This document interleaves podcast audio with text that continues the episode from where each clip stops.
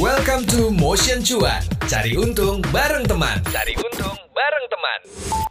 Hai teman Motion, Aditya Putra Dinata seperti biasa nemenin kamu lagi di episode cuan kali ini. Di mana belakangan ini nih, itu mata uang kripto atau cryptocurrency lagi rame banget jadi perbincangan masyarakat dan juga teman Motion. Bahkan nggak cuma di Indonesia juga loh, tapi di satu dunia bisa dibilang. Wah kalau lihat di Instastory, Semuanya kripto terus kan? Bukan tanpa sebab, ternyata mata uang yang kini jadi salah satu instrumen investasi layaknya saham ini tuh dinilai seperti roller coaster yang bisa naik dan turun dengan cepat nih teman motion. Well, faktornya sih salah satunya adalah komentar dari Elon Musk selaku CEO Tesla dan juga SpaceX yang dinilai memiliki andil dalam naik turunnya nilai mata uang kripto. Nah, komentarnya di media sosial terang-terangan mendukung Dogecoin dibanding Bitcoin. Padahal sebelumnya nilai Bitcoin sempat melambung setelah Elon Musk mengungkapkan akan menjadikannya alat pembelian untuk mobil listrik. Ya, sayangnya juga saat ini Tesla menolak Bitcoin sebagai alat pembelian produknya dan hal ini membuat penurunan nilai Bitcoin hingga 40%. Wow, dramanya kayak sinetron teman motion, tapi ini lebih ke investasi nih. Karena komentar-komentar Elon Musk itu akhirnya banyak investor yang dibuat kesel dengan tren penurunan nilai seluruh mata uang kripto yang disebabkan oleh merosotnya nilai Bitcoin dan juga Dogecoin. Nah, sekarang udah ada Mbak Joyce Taurisanti seperti biasa dari jurnalis kompas.id dan juga penulis tentang financial. Kita bakal ngobrol-ngobrol nih ya teman Motion tentang kripto ini. Hai Mbak Joyce. Halo juga semuanya, Mas Adit. Gimana sehat-sehat semua? Puji Tuhan sehat. Mbak Joy sendiri gimana kondisinya? Sehat, sehat. Amin, amin, amin, amin. Nah, nih Mbak Joyce, kita bakal ngobrolin tentang kripto gitu kan. Aku pengen minta tanggapannya Mbak Joyce dulu nih tentang Elon Musk yang sering menggoreng dalam tanda kutip harga saham ataupun kripto aset. Gimana nih Mbak Joyce menanggapi nih Mbak? Hmm, Elon Musk itu tweetnya powerful banget ya di dunia kripto. Dia ngomong apa, eh, pasar kripto tuh bisa bergerak gitu loh. Nah, uh-huh. tapi uh, Mas Adi dan Motion sebenarnya pergerakan itu apakah hanya sebatas pada tweetnya si Elon Musk? Nah, ternyata yes. banyak nih Mas Adit faktor-faktornya bagaimana okay. sih membuat aset kripto itu bergerak. Nah, di antaranya adalah kalau kita uh, lihat kripto, uh, kalau di Indonesia kita bilangnya tidak cryptocurrency nih Mas Adit dan teman Motion. Okay. Kita bilangnya kripto aset. Oh. Nah, apa tuh bedanya? Mungkin ada belum tahu. Kripto itu pada dasarnya adalah kan sebuah aset digital. Tapi lebih canggih lagi nih. Orang tua kita dulu kenalnya emas. Hmm, kita kenal saham, kenal reksadana. Yes. Anak kita ini kenalnya apa? Aset digital. Kayak dulu nih, uh, apa teman motion pasti tahu dong namanya uang emas. Koin emas tuh zaman yes. dulu ya. Uh-huh. Itu bisa di, di, uh, dibuat sebagai alat bayar. Kita tukerin uh, satu koin emas ini berapa gram bisa tuker berapa. Nah sekarang kripto itu juga e, bisa sebenarnya dijadikan alat bayar tapi okay. masih terbatas. Nah, itu kita sebutnya cryptocurrency. Nah, di Indonesia kita menyebutnya menyebutnya sebagai kripto aset Mas Adi dan teman Motion. Oh, I see. Jadi kripto itu tidak dipandang sebagai sebuah alat pembayaran, uh-huh. tapi sebuah aset, okay. sebuah komoditas. Benar. Komoditas apa sih? Komoditas itu kayak batu bara, itu komoditas. Bola yes, pasir, komoditas loh itu bawang oh. putih kan komoditas juga itu. Nah, emang kenapa sih kita nyebutnya itu sebagai sebuah komoditas, bukan sebagai sebuah currency? Karena pertama itu masih di depan motion, itu soal kedaulatan. Di okay. Indonesia, kita itu mengenal hanya rupiah yang tercinta sebagai alat pembayaran. yang lainnya nggak sah ya? yang lainnya nggak sah, cuma rupiah saja.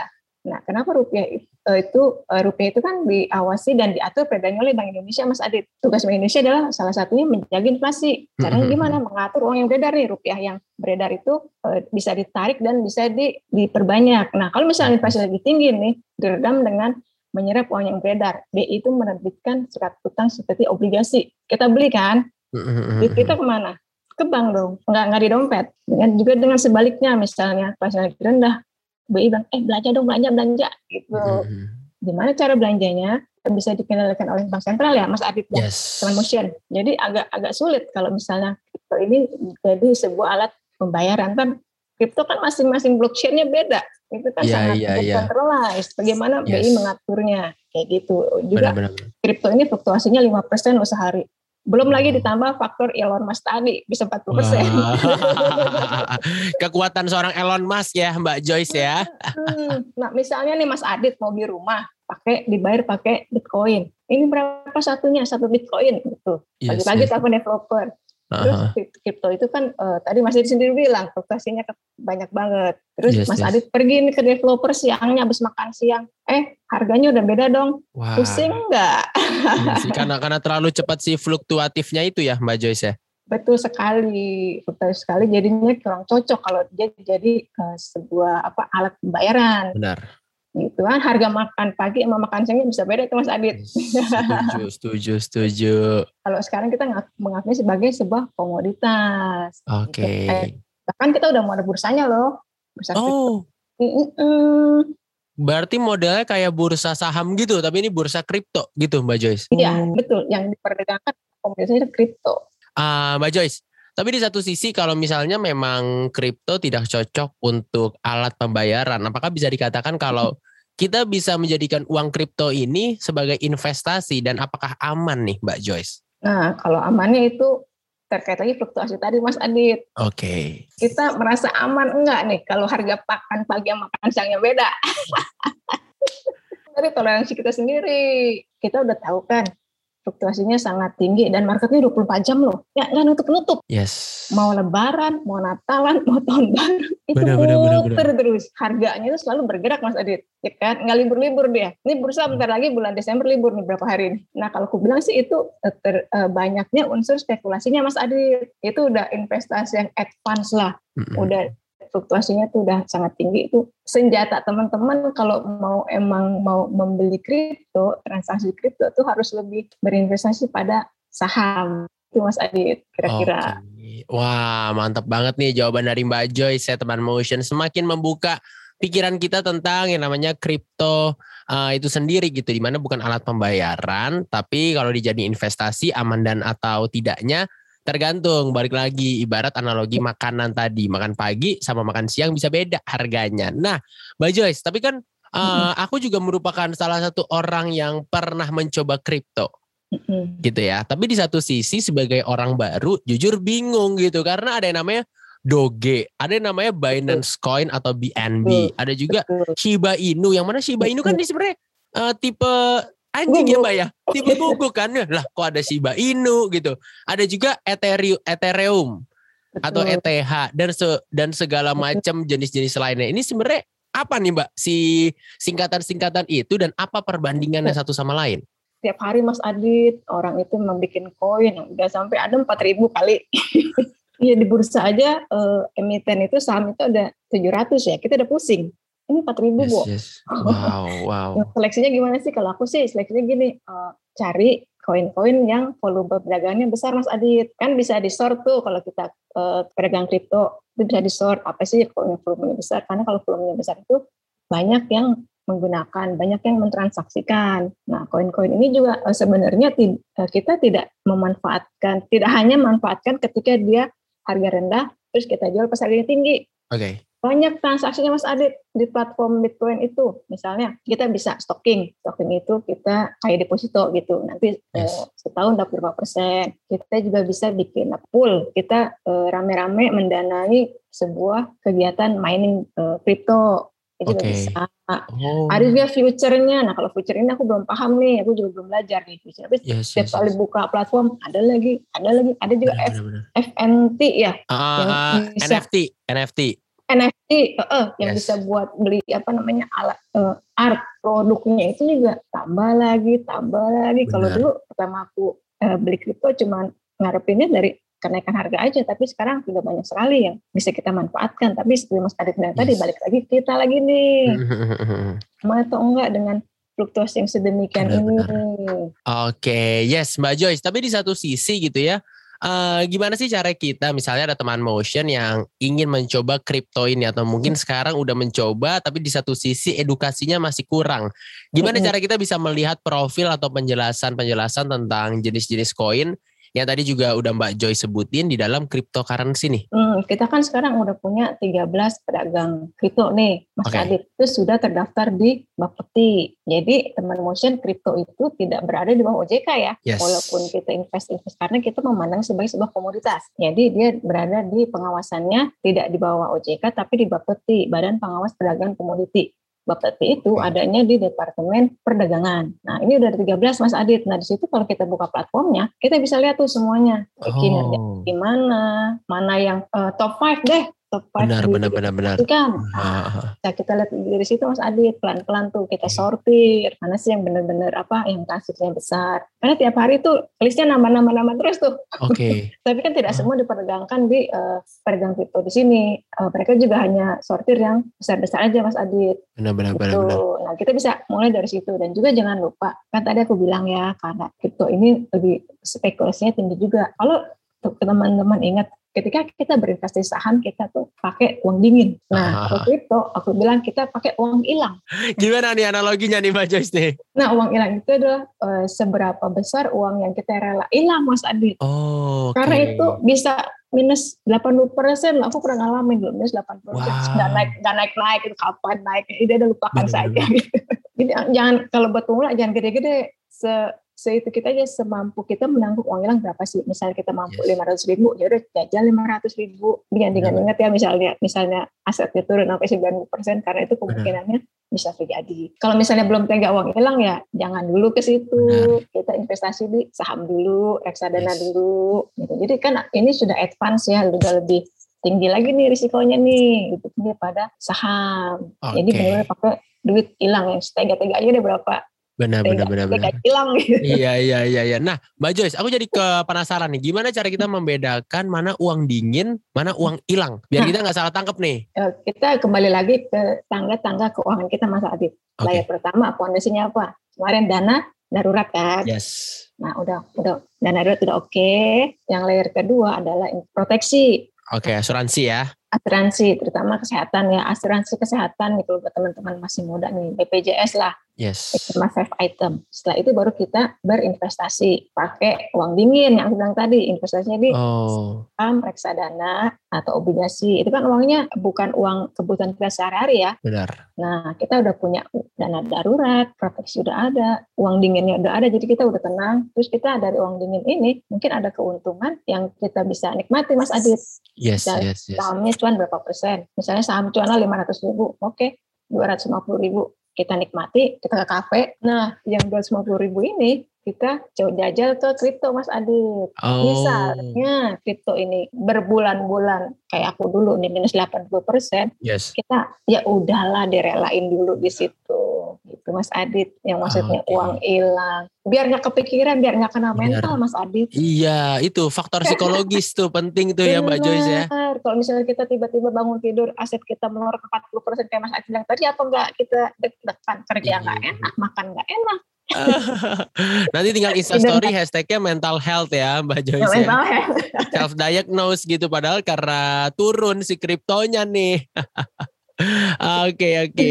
Yes yes yes. Ini jadi penting juga nih jadi catatan nih teman motion. Jadi kalau kamu pengen berinvestasi di kripto ada baiknya pakai uang yang hilang gitu ya. Dan harus ditentukan dulu tuh mana dana darurat, proteksi juga, investasi, baru terakhir ke uang yang hilang ini. Jangan dipakai uang jajan, uang buat bayar kuliah dipakai buat kripto. Jangan, Hmm. jangan ya. Nah, Mbak Joyce, kalau ngelihat dari banyak banget sekarang anak-anak muda bahkan teman motion mungkin yang ingin baru mencoba atau udah ke trigger nih, kayaknya cocok nih gue sebagai investor di kripto. Boleh nggak kasih tips and triknya nih Mbak biar nggak salah langkah selain mungkin uang yang hilang tadi? Mm-mm. Nah, kalau eh, pertama kali ya buat pemula tadi aku bilang eh, cari eh, kripto yang volumenya besar. Yes. Itu kita lebih mudah memperdagangkannya. Oke. Gitu. Terus juga misalnya teman-teman harus harus banget nih ya, jangan sampai Mhm. cek dulu itu masuk nggak ke 13 pedagang kripto yang ada di Bapepti. Misalnya ada apa-apa, kita tahu bapaknya siapa. Iya iya iya benar benar benar benar yang kemarin ya berarti ya ibaratnya nggak Oh, oh. bodong lah ya Mbak Joyce. Mm, betul. Kita tahu bapaknya siapa, jadi apa kita bisa ngadu gitu loh. Dan teman-teman juga eh, jangan sampai itu teriming-iming sama di grup-grup tele Mas Adit banyak banget kan. Titip-titip dana gitu-gitu. Setuju, setuju, Titip setuju. dana di trading crypto crypto aset Yes. kita hilang. Nah, jangan sampai kalian begitu. Kalau emang mau oh, investasi sendiri aja, kita Oke. buka akun di apa 13 pedagang kripto itu, kita masukin duit kita sendiri ke situ, kita pilih, kita Yes. sortir tadi volumenya mana sih yang lagi yang besar-besar nih. Pasti teman-teman itu kan ada Benar. bisa disort tuh itu di atas tuh big five-nya, top five, eh, top ten, mana sih? Ya udah pilih-pilih aja yang itu dulu. Oke. Dan jangan lupa juga belajar lagi Mas Adit. Oke, yes, yes, yes. Aku yes. sih asumsinya teman-teman yang eh, udah tertarik di kripto pasti sebelumnya sudah pernah berinvestasi reksadana, sudah pernah obligasi, Oh. sudah pernah di saham. Kan Yes, tadi kalau yes, kita yes. ingat eh, tangga kita, kita Ah, sudah ah, mela- melalui semua itu. Yes, Nah, kalau benar ya. kalau benar. Nah, teman-teman tinggal mau pertajam lagi eh, namanya analisa teknikal. Ini kan cepet banget ya pergerakannya ya. Yes, setuju, setuju. saham loh. Nah, ini Wow. benar-benar teman-teman tuh perkuat lagi deh basicnya technical analisisnya. Benar. Wah itu nanti bakal kita Mas. obrolin tuh Mbak Joyce tuh tentang teknik-teknik yang mungkin bisa Mbak Joyce bagikan ke teman motion juga gitu ya. Tapi aku menyinggung sedikit dari apa yang dikatakan oleh Mbak Joyce gitu ya. Kayak zaman sekarang nih banyak yang bodong-bodong. Apalagi ngelihat di media sosial. Mungkin ini kali ya yang mendasari pada akhirnya Mbak Joyce membuat satu buku tentang financial ya kan. Tentang sosial media juga. Bukunya apa nih Mbak Joyce? Oh iya Mas Adit, aku eh, baru aja terbitin buku ini buku tentang saham untuk pemula. Yes. Itu judulnya apa? Dunia saham tak seindah di sosial media. Wah, Gitu. congratulations. Keren banget Mbak Joyce. Cerita Mm-mm. dikit dong Mbak Joyce tentang bukunya. Hmm, ini buku aku yang ketiga soal perencanaan keuangan pribadi ya, karena aku sejak tahun 2005 aku tuh sudah mendalami soal perencanaan keuangan untuk Yes. pribadi buat keluarga. Karena dari pengalaman pengalaman aku ini, yang aku pernah investasi bodong, yang udah pernah apa investasi tapi aku nggak tahu apa yang aku investin. gitu.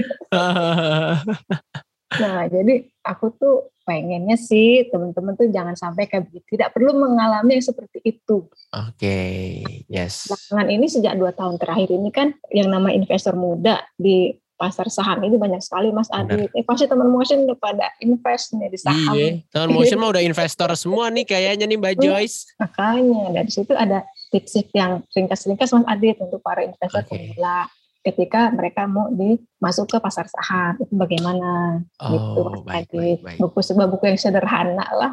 Yes, yes, yes. Wah, ini kalau mau dapetin bukunya di mana nih Mbak Joyce? Nah itu udah ada Mas Adit itu ke buku Gramedia. Tapi kalau misalnya teman-teman males kan ya di Yes. PPKM udah mau naik ya PPKM nggak? Heeh, iya nih, aduh serem deh. Nah, beli aja online itu bisa di gerai.kompas ID itu ada udah ada diantar sampai ke rumah Mas Adi. Jangan takut. Ini mantap banget teman Motion karena bertepatan juga ketika kamu lagi dengerin podcast uh, Motion Juan kali ini nih. Kalau kamu beli bukunya Mbak Joyce Dunia Saham Tak Seindah di Sosial Media di Kompas ID dengan berlangganan kamu bisa dapetin voucher diskon. Kodenya adalah cuan bareng tanpa spasi. Ini keren banget jadi langsung diburu nih ya. Dunia Saham Tak Seindah di sosial media. Wow, thank you banget Mbak Joyce sudah bagi-bagi hari ini ngobrol-ngobrol kita seru banget. Sama-sama Mas Adi. Yes, dan jangan lupa nih buat teman Motion juga untuk follow podcast Cuan di Spotify untuk dapetin inspirasi lebih lanjut tentang pengelolaan keuangan, investasi, dan aktivitas finansial lainnya. See you on the next episode teman Motion. Mbak Joyce, bye-bye. Bye. Buat teman motion, kalau mau tahu lengkapnya tentang investasi, boleh nih beli buku Joyce Taurisanti yang judulnya Dunia Saham Tak Seindah di Sosial Media.